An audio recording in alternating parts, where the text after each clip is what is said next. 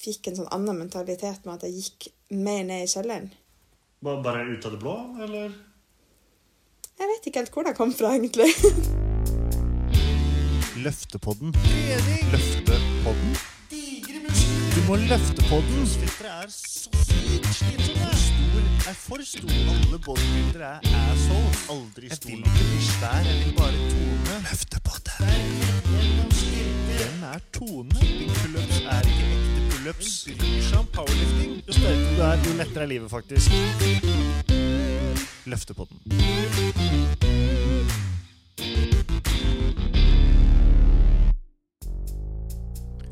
Hei og hallo, og velkommen til Løftepodden.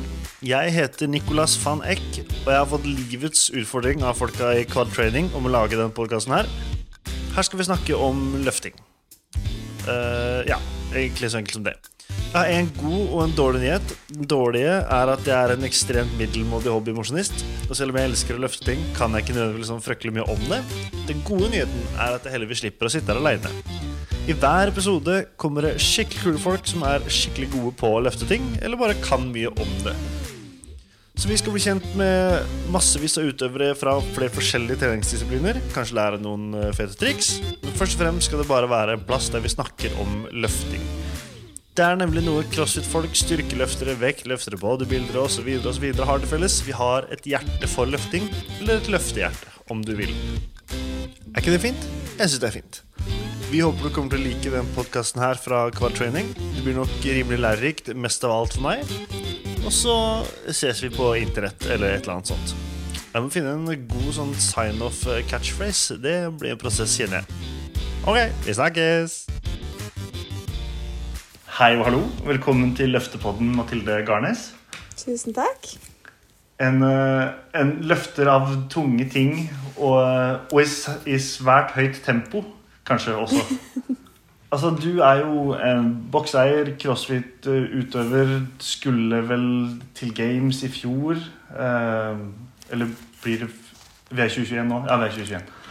Eh, hva, vil du begynne med å kanskje bare fortelle litt, sånn, fortelle litt om deg sjøl og det du holder på med til daglig nå? Ja, jeg har jo starta opp en CrossFit-boks i Trondheim nå i 2020, så ca. et halvår siden.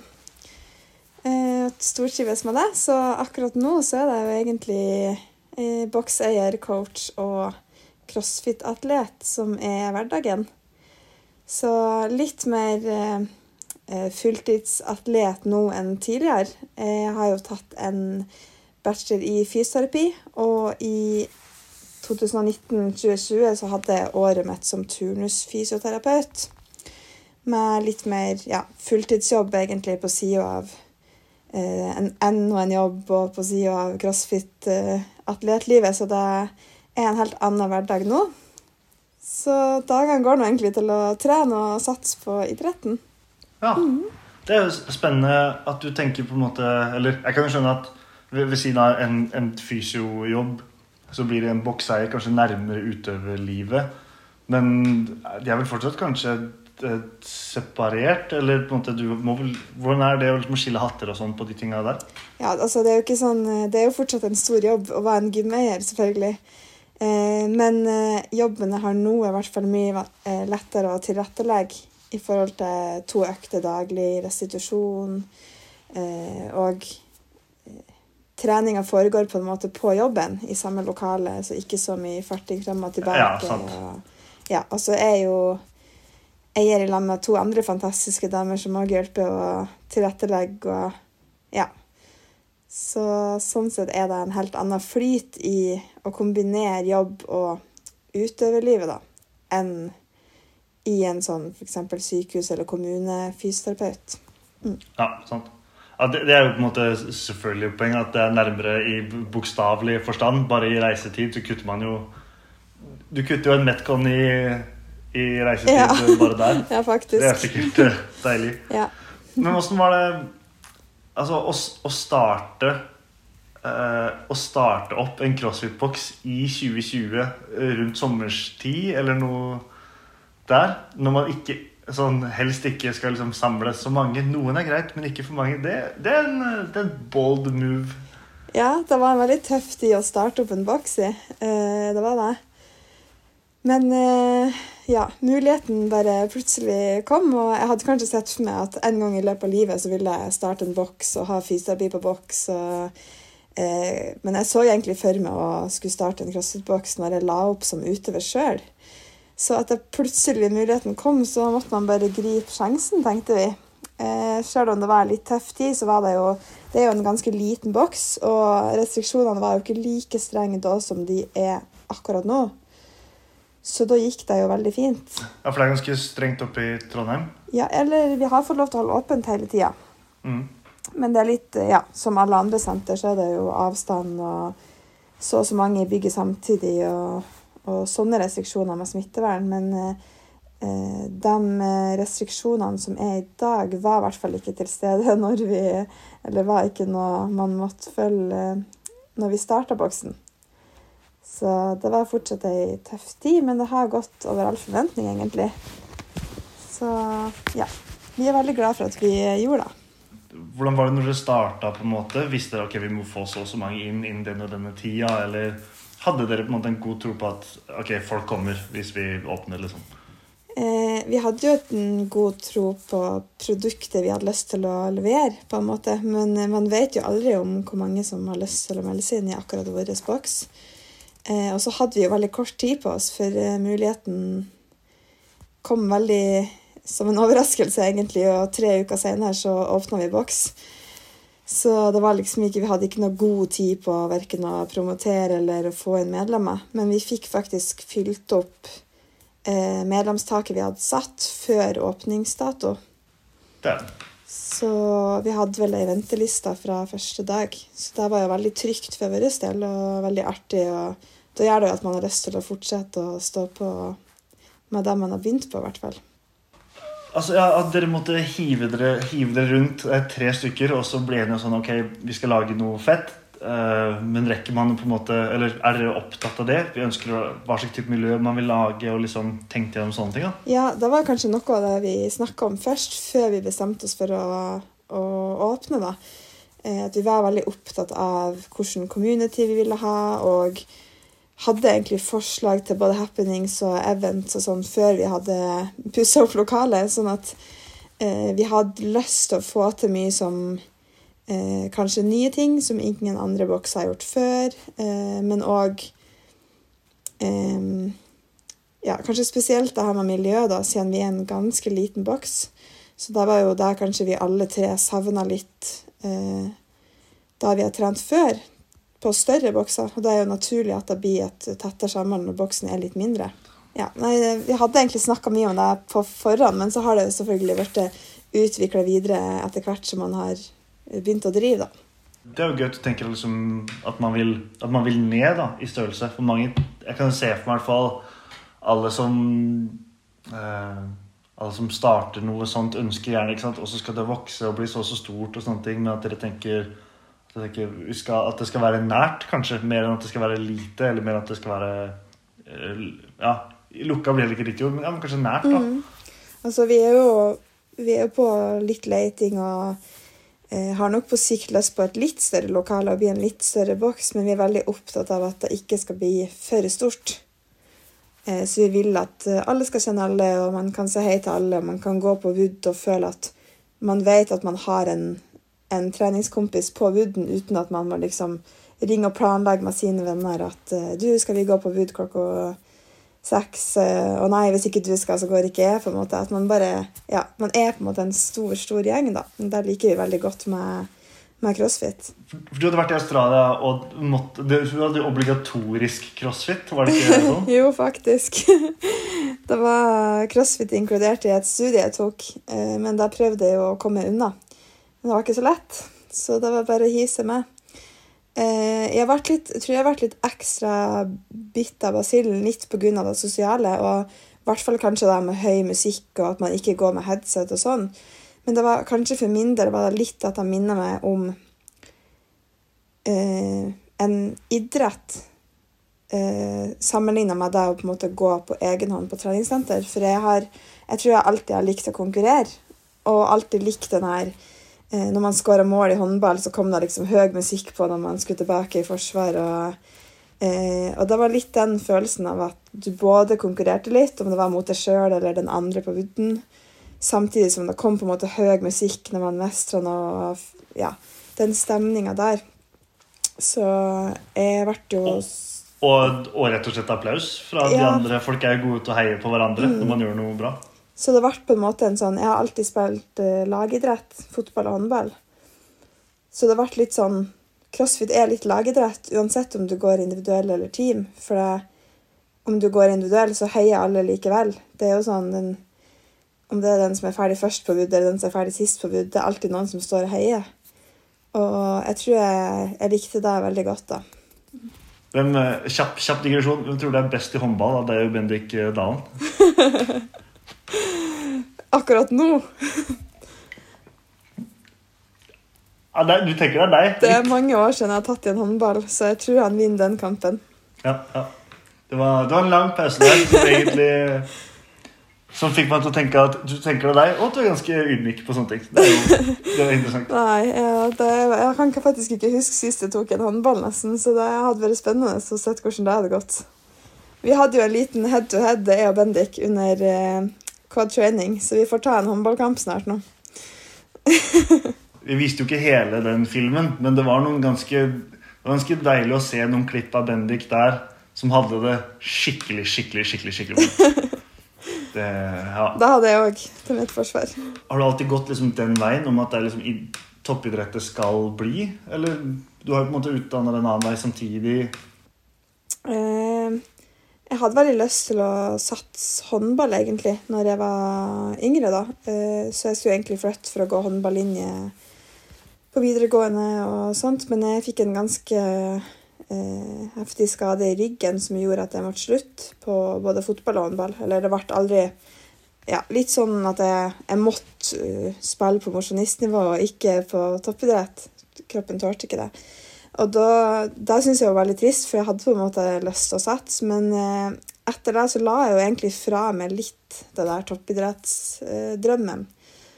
Uh, men det er jo litt for at man ser ikke for seg at man plutselig bare kan begynne på en ny ting. Så da meldte jeg meg jo inn i treningssenter og trente styrke, og jeg syns jo det var eh, I de første årene så var jeg vel, synes jeg det var kjempeartig og var fascinert over på en måte hva man kunne gjøre med Eller hva man kunne få til med styrketrening og utholdenhetstrening og sånn. Eh, men så var det jo så kjedelig, for det var jo så ensomt, og du så gammel musikk, og ingen snakker i dag, og så Eh, så begynte jeg med crossfit, da, og da tenkte jeg jo at ok, det her skal bare bli en fin treningsform, egentlig, for å bli i god form. Eh, og så var det coachen i Australia som sa etter bare sånn to uker at hvis du vil, så kan du bli skikkelig god. Jeg ser det allerede nå. For at jeg tok ting og Ja. Og da tenkte jeg liksom Hm. ja. Jeg er jo egentlig en person som hvis jeg først går inn, så går jeg all in, på en måte. Så, så ble det utvikla det seg litt år for år. Da hadde jo en veldig sånn stor antibevegelse før, særlig mye liksom, i treningsmiljøgreiene og sånn. Hva tenkte du når du gikk inn i dem? Alle liksom, nye rare bevegelsesmønstre og ting som hva, Hvordan var møtet ditt med alt det? Var det mye nytt der, eller? Ja, det var jo mye nytt. Eh, kanskje spesielt gymnastics. Eh, men jeg har vel alltid hatt en ganske grei sånn kroppskontroll, så jeg, jeg sto litt på hendene og gikk litt på hendene da jeg var liten og sånn, ute og i stua og sånn, så det tok jeg heldigvis ganske fort. Men den eh, kippinga sleit en del med. Eh, og jeg var sterk nok til å ta muscle-up strikt. Jeg var ganske sterk i eh, kroppsvektstyrke, sånn at jeg liksom dro meg opp med chicken wing og strikt pullups og tok strikt toast to bar. og da, Jeg tror nesten det er vanskeligere å lære seg kippinga hvis man er sterk nok til å ikke kippe. For du, du, blir litt, eller i hvert fall jeg blir litt sta da, at jeg, nei, jeg kan muscle-ups, så jeg gidder ikke å lære meg kipping. Men det, var jo, det så jo helt forferdelig ut, og all den der ja, så Den syns jeg var vanskelig, og den var ganske ny for meg. da, Å bruke det momentet og bruke farta for å komme seg opp. Men så var det òg det jeg tok fortest, og det jeg syntes var mest eh, artig å lære seg. Mest fascinerende hva man kunne få til med f.eks. kipping. da. Nå har jo CrossFit vært rundt i hva da? 13-14 år eller noe rundt der nå, sånn under det merkenavnet. da. Eh, altså, Jeg kjenner i hvert fall jeg er klar for å pensjonere den derre keeping pullups-debatten, for f.eks. en gang for alle.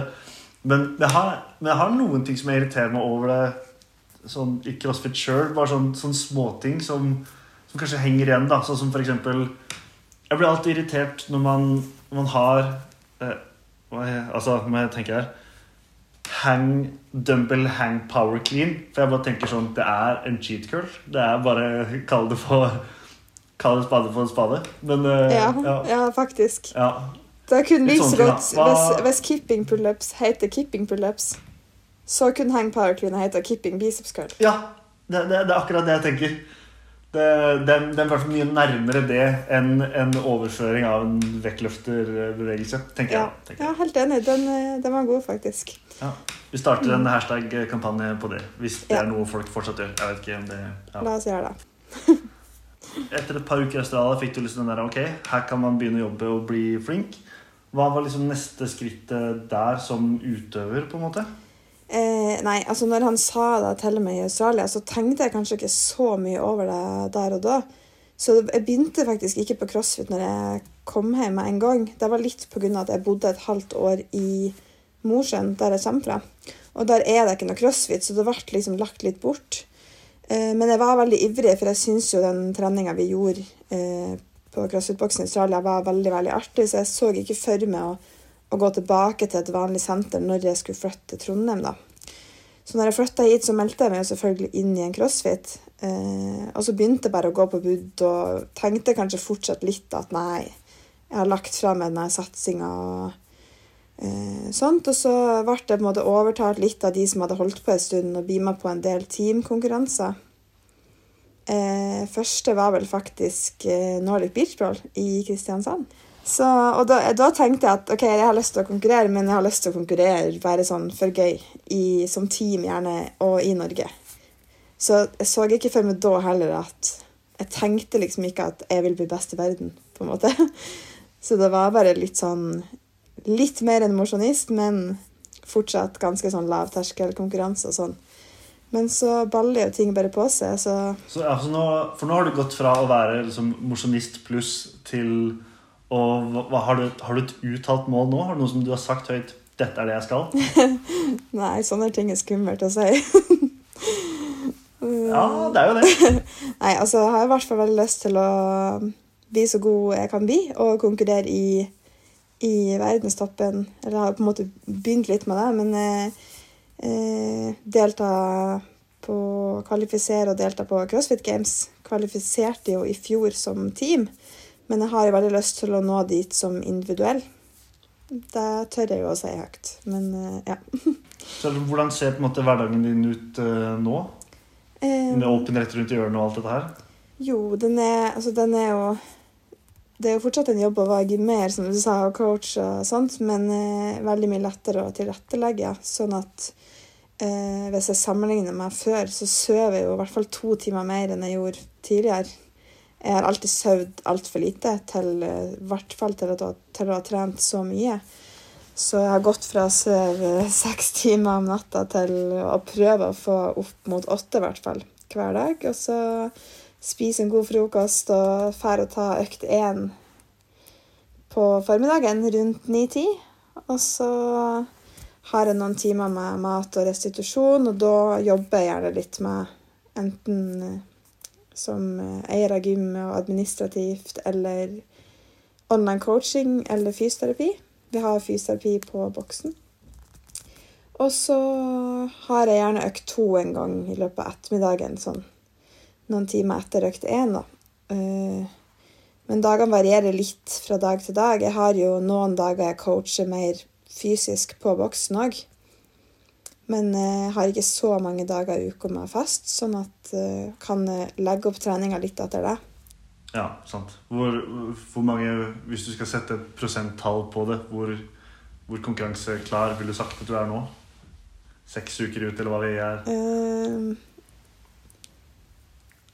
vanskelig å si, men mye mer enn jeg var før jul. Jeg har vært skada ca. et år nå, og det er på en måte noe helt annet akkurat nå. Jeg kan gjøre veldig mye. Eh, og i stedet for å ha konstante smerter, så har jeg på en måte bare litt ubehag på noen bevegelser. Så jeg er ganske konkurranseklar hvis jeg er litt heldig med øvelsene. Eh, men med en gang du skyter inn eh, pistols, så, så henger det en litt tynnere så. Så jeg tror bare jeg får se. Hvis open økt nummer én er 60 bar muscle for time, liksom, da er du, Da skal, da er du da skal kneet få til det, tenker jeg. Ja, ja. Tenker du, altså når du, når du går inn i en konkurranse uansett da, Man vil jo selvfølgelig ha optimale forhold så nært man kan. Men når du, sånn som da når du vet at okay, det er, du har en knegreie på gang hva, Hvilken del av det er det som sier at nei, kanskje jeg ikke skal være med? Eller er det ikke alltid noe å hente uansett hvis du melder deg på Er det ikke en komfortsone som kan trenes? Eller noe sånt, i hvert fall, hvis man går inn sånn Ok, vi vet ikke optimalt. Hva kan man jobbe med det? Jo, det er jo egentlig det. Eh, Jeg tror på en måte at jeg som er både atlet og fysioterapeut, jeg har en liten fysioterapeut her, og så har jeg liksom atlet-Mathilde på den andre skuldra. Eh, Og eh, det er veldig ofte at fysioterapeuten og jeg prøver å si at OK, nå det er kanskje fornuftig å draffe konkurransen eller ta, ro litt ned. Og så har du den andre delen som eh, som regel vinner, vinner diskusjonen. Og jeg tror at jeg har så lyst til å på en måte prøve å delta, men så vet jeg at siden jeg går all in, så kan det fort hende at jeg tenker at jeg skal ta det med ro, og så tenker jeg nei, nei, jeg, jeg driter i smertene. Jeg klarer å, klarer å fullføre de her ti thrustersene, f.eks. Og så ender man kanskje opp med å være mer skada etterpå. Der, der syns jeg det er en litt sånn vanskelig balanse, da. Men uh, ja, det er jo Jeg tror alltid det er erfaring å få med seg uansett. Og det er der jeg mener at man kan jo delta uten å delta på alle øktene, men man må bare klare å begrense sjøl. Og la fornuften av og til vinne over eh, viljen. Hvor lang tid liker du på å preppe til konkurranse og sånne ting? De fleste som kjenner meg, vet kanskje at jeg er litt, eh, er litt vims og litt, eh, litt klums. eh, Både i hverdagen og under konkurranse, dessverre. Så jeg tror kanskje jeg bør Den der mentale forberedelsen, den tror jeg har litt å gå på. Jeg er egentlig ganske Jeg kan, jeg kan bli veldig nervøs før konkurranse og sånn, men jeg er egentlig ganske eh, avslappa og kanskje jeg forbereder meg litt for lite noen gang. Eh, jeg forbereder meg veldig bra sånn treningsmessig. Time treninga og gjerne sånn øke mengden f.eks. karbohydrater før konkurranse. og tar noe rødbetpulver. Altså sånne ting som jeg tenker kan øke. Men den der mentale biten med å visualisere og på en måte eh, Den er jeg litt dårlig på. Og eh, ja. Det er veldig mange konkurranser jeg kanskje har gjort feil antall repetisjoner. Stått feil vei i riggen eller ringa, fått no reps, ikke skjønt hvorfor. Eh, Så jeg har tapt en del på at det er litt vims. Så den, eh, den kan jeg ikke skryte av, den der eh, mentale konkurransepreppen, egentlig. Da tror jeg jeg kan lære litt av andre. Er det noe som står på agendaen nå for, for kommende sesongen? Hvis den går som det skal, selvfølgelig, skadefritt og alt mulig sånn? Eller hvordan, hvordan legger du et løp for å trene på det mentale i tillegg? Nei Vanskelig, egentlig. Eh, jeg tror ikke jeg på en måte trener så mye på det mentale. Altså, man trener jo hele tida litt på det mentale med tanke på å, gå ned i kjelleren på trening og taktikk på økter og alt sånt. Men for min del så handler det kanskje mest om akkurat under konkurranse å være litt mer skjerpa. Jeg er litt sånn som hvis det er en internasjonal konkurranse og jeg ser folk jeg eh, kjenner fra, uansett om det er fra Norge eller andre land, så blir jeg veldig sånn 'Å, vil prate med den', og jeg er liksom ikke inne i den der sonen. Eh, så kanskje har jeg ikke lest økta godt nok, og så går jeg ut, og så tar jeg på en måte Så det er, for min del er kanskje den mentaliteten som er eh, ja, den jeg må forbedre mest. Jeg tror jeg har en ganske god mentalitet sånn på trening og i hverdagen og, og under konkurranse. Da pusher sjøl. Jeg husker den da året måte plutselig fikk kanskje en litt sånn ekstra framgang. Eh, uten at jeg ble sterkere eller flinkere teknisk, så tror jeg det var at jeg, jeg fikk en sånn annen mentalitet med at jeg gikk mer ned i kjelleren. Bare, bare ut av det blå, eller? Jeg vet ikke helt hvor det kom fra, egentlig. Eh, Men eh, eh, det var en periode eh, hørte litt på Sånn som hvis jeg bare så CrossFit Games-filmene på Netflix, så kunne jeg huske liksom litt av det noen sa der. Og jeg tror jeg tok det litt ekstra til meg, for jeg trente veldig mye alene en periode. Og var veldig sånn ja, litt uh, sjalu på dem i de andre byene som på en måte hadde noen andre som konkurrerte. Så husker jeg, jeg husker ikke hvem som sa det, men det var at noe som pusha de bra, var på en måte hvis de trente alene, og tenk at hvis du står på en måte og puster og har en pause, og du er helt alene, så tenker du at en av forbildene eller en av de beste i, i verden innenfor sporten da, står på sida av det og ikke tar pause. Og, og, sånn tror jeg kanskje jeg tenker noen gang på trening nå. At, uh, at hvis den personen hadde vært på sida her nå, så kunne ikke jeg stått og tatt pause. For da hadde jeg ikke slått den personen. Eller, ja. Så jeg tenkte kanskje Jeg har kanskje jobba litt med den mentaliteten på trening, spesielt med å trene mye alene, da. Og jobba litt med det. Men eh, jeg har jo aldri jobba sånn spesifikt med mental trening. Og, så jeg ser for meg at jeg kunne sikkert ha hatt mye nytte av eh, det. Vi skulle jo egentlig ha workshop med Kristin Holte på boksen i ja, både desember og januar. Begge ble jo eh, avlyst. Og det var jo eh, fokus på mentalitet og mental trening, og det tror jeg jeg hadde veldig godt av. Det kommer sikkert nye muligheter. Hvem, hvem, er det du ser for deg når du uh, står i kjelleren med hendene på knærne og bare tenker faen, personen X uh, kjører på akkurat nå? Det er på en måte ingen sånn fast, person? Uh, fast person. Jeg tror det blir litt sånn Du ser for deg noen som er god i akkurat det her, da. Så hvis det er barbell cycling, så ser du for deg noen som er rå der. Hvis det er gymnastikk, så ser du for deg noen der. Så det er egentlig ikke noe sånn fast. Men man ser jo selvfølgelig Man kan jo alltids tenke på de som er helt i toppen i, i verden i crossfit, da.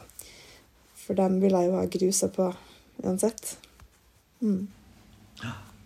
Hva følte du at du kunne ta med deg noe når du gikk på en måte Du gikk jo fra lagidrett, fra fotball, håndball inn, og så gikk du først på, først på Teams da, eh, og hadde lagidrett i crossfit, men også individuelt. Hva, har du på en måte tatt med deg noe derfra, fra det å trene på lag kontra individuelt, som du føler du har fått bruk for, eller som du har lært noe av? Ja, jeg føler jeg egentlig har lært uh, veldig mye av begge delene. Uh, og så syns jeg veldig Jeg syns begge delene er veldig, veldig artig. Og selv om det starta kanskje mest med team, så har det på en, måte vært litt sånn individuell og team parallelt hele veien. Men at team kanskje altså har nådd lengre som team for at vi har satsa på de største konkurransene der, men har hele tida villet på en måte opprettholdt litt av det her og konkurrere individuelt. Eh, som team så tror jeg at jeg eh, følte mye sånn treningsglede i i det å mestre noe i lag. Og der kunne jeg jo koble litt opp mot håndball og fotball, da, som jeg hadde spilt tidligere. Da på en måte, Uansett om det er opptur eller nedtur, så er man på en måte flere om det. Eh, mens det jeg lærte òg som team, det var at du er fire stykk som Eller hvis man er fire eller man er seks, da, men sånn for vår del i fjor at vi var fire stykk da er man fire stykk som helst skal være i toppform. Man er fire stykk som kan få influensa. Man er fire stykk som kan pådra seg en skade. Og jeg tror det Det var det kjipeste med å gå team. For det, var, det, meste var veldig, veldig bra med å gå team. Det var bare en helt fantastisk mestringsfølelse og når man vant. Du gikk liksom ikke alene, og selv om andre heier på det, så visste du at de på sidelinja var irritert for at de ikke vant. sant? Mens på team, du bare, denne gleden når du vinner et event, da, det var liksom noe helt annet enn å vinne alene. Eh, men sånn som jeg var, var i Dubai, eksempel, eh, så eh, var det jo en på laget som skada skuldra si rett før vi skulle reise. Og jeg hadde med meg nesten hele Trondheim for å heie på meg. Eh, de skulle òg på treningsreise, men jeg hadde gleda meg veldig til at de skulle se meg in action. og akkurat i den, den, høsten der, Open i fjor og Filti og Dubai i Sanctionals, da følte jeg meg kanskje i mitt livs beste form. Bedre form da enn jeg føler meg nå. Så da føltes bare ekstra, ekstra kjipt å ikke kunne konkurrere pga. at en lagkamerat var skada. Og det var ikke noen sure miner mellom noen av oss, og sånn, og man er jo bare glad for at det gikk bra med personen. Men det bare føles Det er kjipt å plutselig havne på, på tilskuerbenken når du egentlig skal være på, på banen, da. Så da eh, Ja. Det er jo kanskje òg litt at jeg ville prøve litt individuelt. For at når du er syk eller skada sjøl, så, så har du på en måte ikke lyst til å være utpå der, for du føler deg ikke i form. Mens når du føler det når du føler du har gjort jobben og trent bra og har sykt lyst til å konkurrere og vise på en måte at treninga man har lagt ned, har gitt resultat, og så må man, må man sette og se på, så er det ekstra kjipt.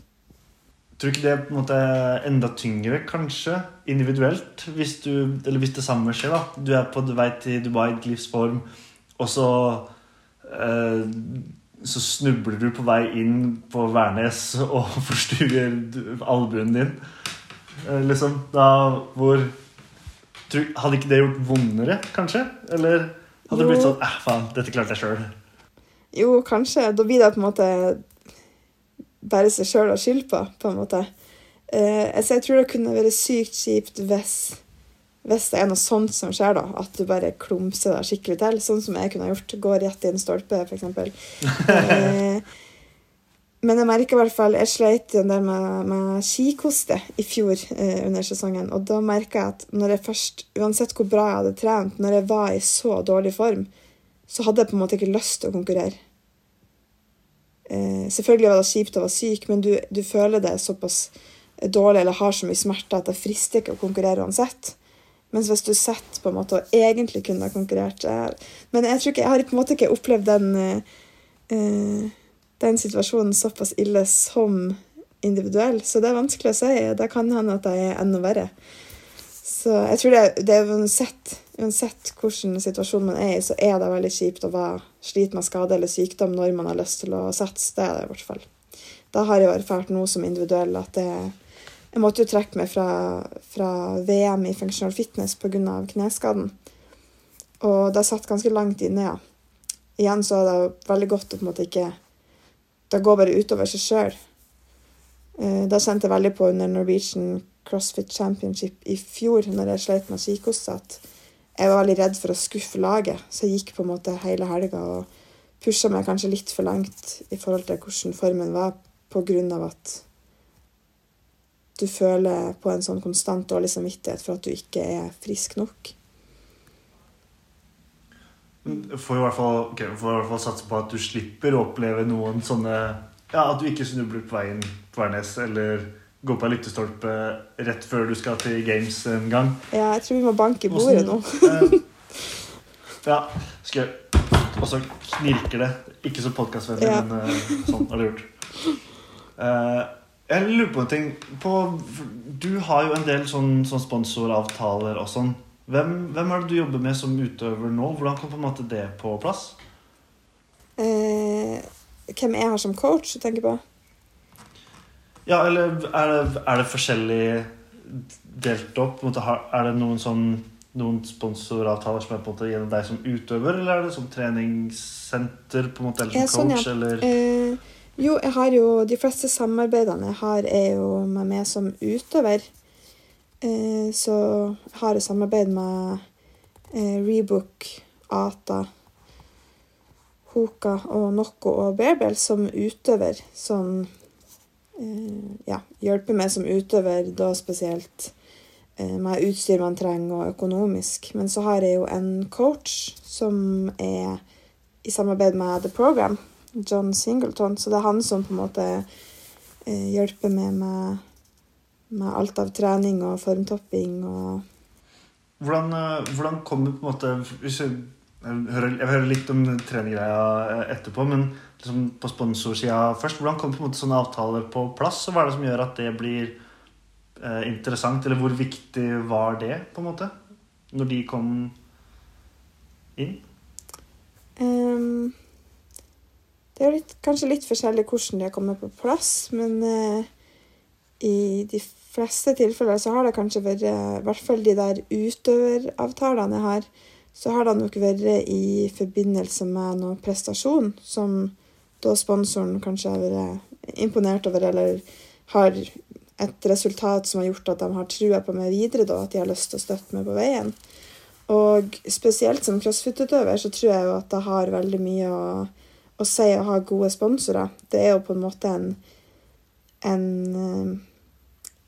idrett man Det er ikke så mange som kan leve av det. Man tjener jo ikke så mye Det er ikke så økonomisk sånn uh, Da må du i hvert fall opp på et ganske bra nivå. Det er liksom ikke noe mellomting. Så jeg tror at de Eh, det kan hjelpe mye på å ha gode sponsorer som kan støtte opp, kanskje spesielt økonomisk, sånn at man har mulighet til å fokusere litt mer på eh, trening, søvn og restitusjon spesielt. At man ikke må jobbe seg jobbe seg i hjel på sida av å satse og ha mange økter og skal sove nok og spise nok og, og alt sånn. Er, er han John Singleton er han også med som en, der som type manager, eller har han bare på en måte treningsfokuset og inn den veien? Eller kosthold, eller eh, Ja, egentlig mest eh, treningsfokus, eller The Program og, og dem som står bak der, da. Så har ikke noe egen manager, egentlig. Mm. Hvordan påvirker det mye måten du programmerer Eller er det du som har programmeringsansvaret på boksen din i Trondheim? Ja. Eh, så alle vuddene på boksen følger Wolfpack Training. Men så har vi ex, altså andre eksterne woods på en måte som er altså gymnastics wood, weightlifting wood, endurance wood og eh, noen tidlige timer og teamwood som er står for programmeringa, da. Ja, og den, eh, den programmeringa legger jeg egentlig litt inn i min egen trening i, i samarbeid med, med The Program, da. Sånn at jeg får eh, trent litt med medlemmene og og gjort litt av den, de øktene vi har på boksen. For jeg syns det er en veldig viktig del av å være gymmer, egentlig. Ja, Å ta sine egne økter, rett og slett? Ja, eller på en måte eh, Kanskje spesielt hvis man trener mye alene, da, at man trener litt sammen med de andre medlemmene. Eh, det gir i hvert fall meg veldig mye. Så Du, du sa noe i stad når du snakka om når dere åpner boksen dette med identiteten og sånt, dere har allerede noen tanker om noen events og noen ting og noen aktiviteter som dere vil vil i gang med. Hvor, eh, ja, hvordan, hvor kommer de tinga fra? Eller hva, hva, ønsker dere å få til å gjøre der oppe? Eh, nei, altså da var jo veldig sånn, tanker vi hadde før vi åpna boks. Eh, spesielt sånn eh, å få til mye events som styrker samholdet og ja, samhold og community-følelsen. Så vi hadde jo egentlig fast eh, bl.a. noe som heter Monkey Friday en gang i måneden, der vi hadde sånn PR-forsøk først og god stemning, og så hadde vi noe sosialt etterpå, kanskje pizza og film eller spillekveld og tapas. og eh, Sånne sosiale ting for medlemmene. Eh, I tillegg så har vi jo hatt en del Vi hadde sommercamp i sommer og hadde veldig lyst til å eh, fremme folkehelse med å ha et eh, stort spenn i alder på boksen. Så vi har både CrossFit Kids og CrossFit Senior. Um, andre ting har jo vært litt utsatt og avlyst pga. korona. Sånn mye workshops og mye sosialt og sånn. Uh, men der vi òg ville få på en måte til på boksen, var å ha ei slags sånn konkurransegruppe. For uh, det har vært et ganske dårlig konkurransemiljø i Trondheim, egentlig, over tid. Det har på en måte vært noen få, men, men veldig få. Så samtidig som vi ville at det skulle være på en måte en boks og et programmering som passer for alle, uansett om man starta i går, eller om man er 80 år, eller om man er 6 år, så ville vi på en måte òg at um, vi skulle ha muligheten til å Eller at medlemmene skulle ha mulighet til å konkurrere. Eh, om det bare var for gøy, eller om det var å satse eh, internasjonalt, eller om det var å delta i sin første teamkonkurranse. Så vi oppretta jo ei gruppe som heter CFT Compete.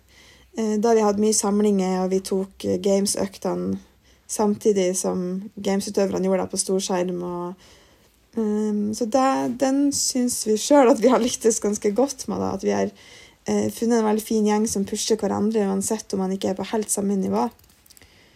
Så litt sånne ting, blant annet. Stilig.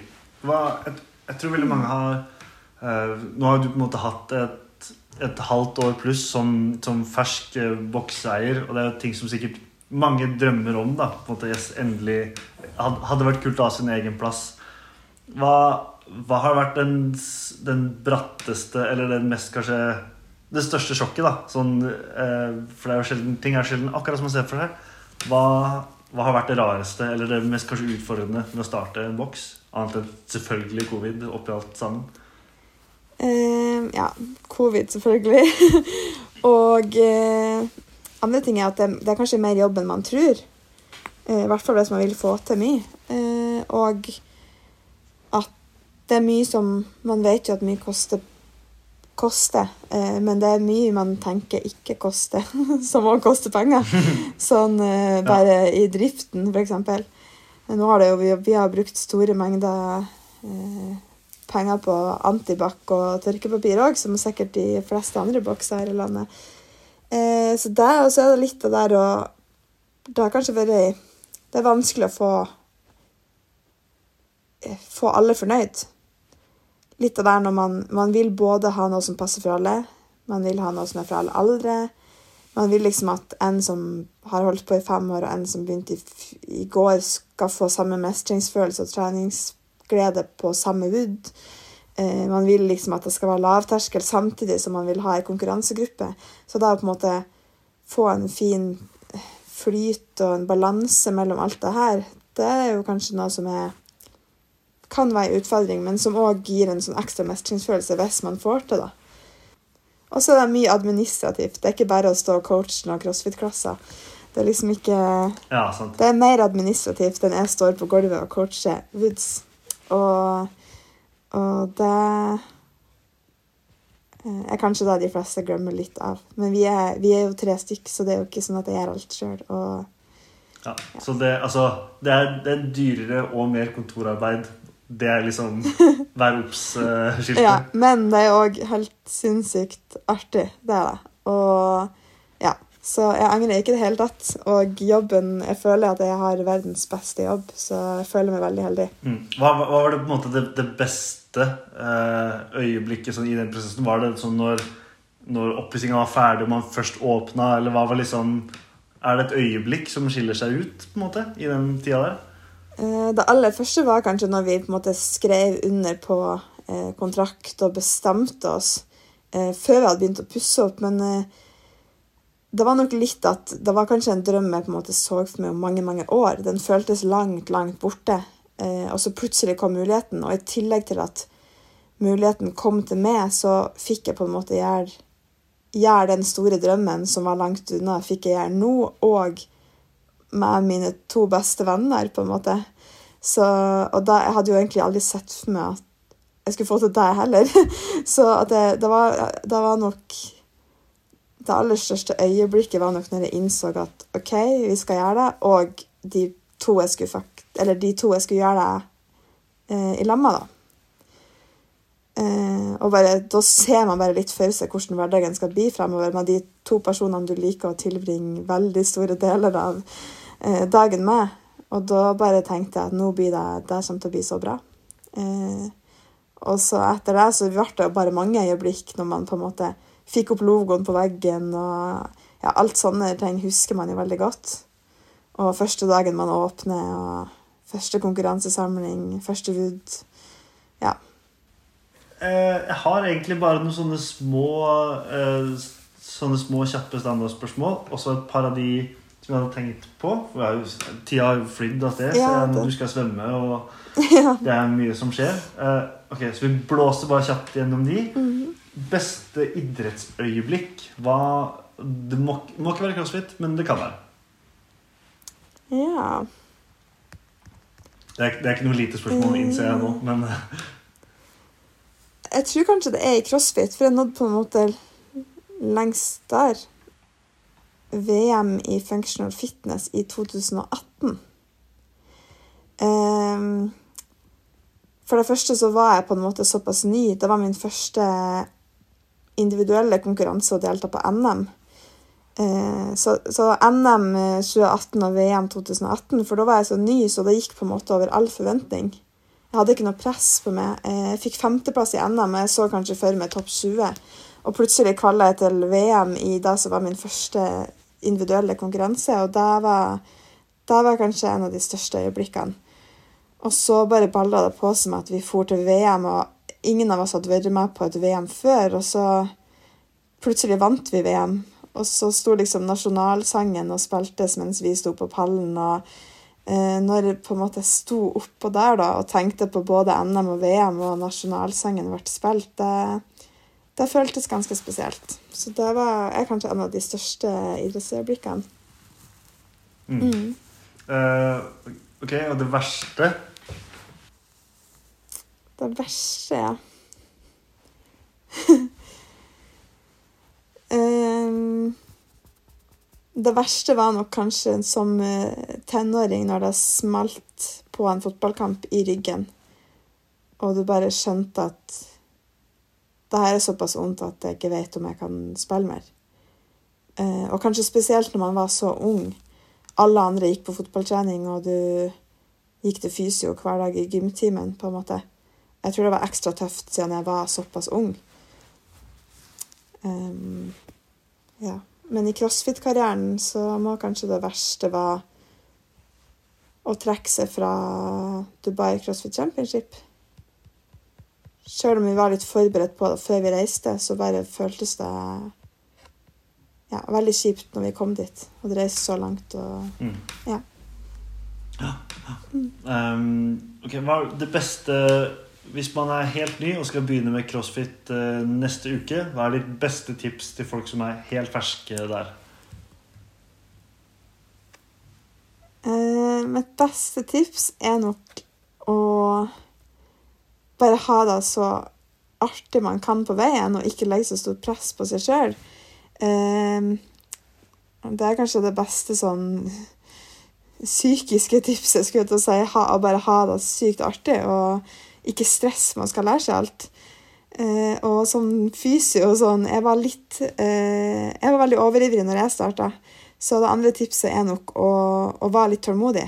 Ikke gå på tre woods på rad og belaste kroppen veldig veldig mye og ende opp med å få en belastningsskade. For det er, crossfit er så artig at man blir virkelig revet med. Så ta deg litt med ro og passe på å restituere og, og spise nok eh, carbs. Ja. Det er oh, hygg, hyggelig å høre. Jeg skal spise carbs etterpå, selv om jeg bare skal løfte tungt i dag. Um, ok, og så den siste da Vi får se om vi får tatt den på sparket. Uh, har du en treningsmyte som du vil liksom bli kvitt eller få ut av treningsverden? Ja, faktisk. Apropos carbs. Eh, jeg syns carbs har fått et veldig sånn uheldig eh, Uheldig rykte. Altså, carbs er det Vi må ha masse carbs. Karbohydrater er så bra for oss. Og ris, potet og pasta. Og eh, altfor mange er livredd for carbs. Og det er bare dumt. Så det er kanskje en sånn myte jeg bare vil knuse. De som tror at carbs er farlig. Ja. Jeg tror vi må ha en ny sånn hashtag-kampanje om at carbs er livet. Ja, ok. Så hva var den, hva var den forrige vi hadde? Hva var den første? Grete, hva den første var? Eh, det var noe med keeping biceps curl. Det var, ja, kipping keeping biceps curls og carbs er livet. Ja, Der har vi den. Eh, kanskje de to sammen? Ja. At du skal sånn, spise carbs og ta eh, strikt eller, og, og curl, egentlig. Ja. For det, er jo- jeg syns man ikke burde kippe, kippe bicep curlen sin. Sånn. Ja, det er for, for så vidt sant. Eh, Ja, Vi kan. Kanskje ikke oppfordre til å klippe biceps curl, for det er litt sånn rabdo-fremkallende, tror jeg. Ja, Ja. ja, ja. Ok, så spis potet og gjør mer curls er Ja. Carbs er viktig. dagens store takeaway. Ja. Ja. Kult. Eh, jeg tror vi kan gi oss der. Tusen hjertelig takk for at du har vært med på Løftepodden. Eh, håper selvfølgelig at vi ser deg igjen på Quad Training Championship neste, altså i år, når det kommer så langt. Uh, og så at du får ha en god svømmeøkt og lykke til i Open og alt mulig sånn. Jo, tusen takk, og tusen takk for at jeg fikk lov til å være med på podden. Sure, sure takk. All right, da høres vi bare. Det gjør vi. Og så må vi trykke stopp på opptak. Ja. Ok, ja, så, greit. Løftepodden. Løftepodden. Løfte på den. dere er så sykt slitsomme. Stor er for stor. Alle bodybuildere er assholes. Aldri Jeg stor vil ikke bli svær, jeg vil bare tone. Løfte på det. Hvem er Tone? Pullups er ikke ekte pullups. Bryr seg om powerlifting. Jo sterkere du er, jo lettere er livet faktisk. Løfte på den.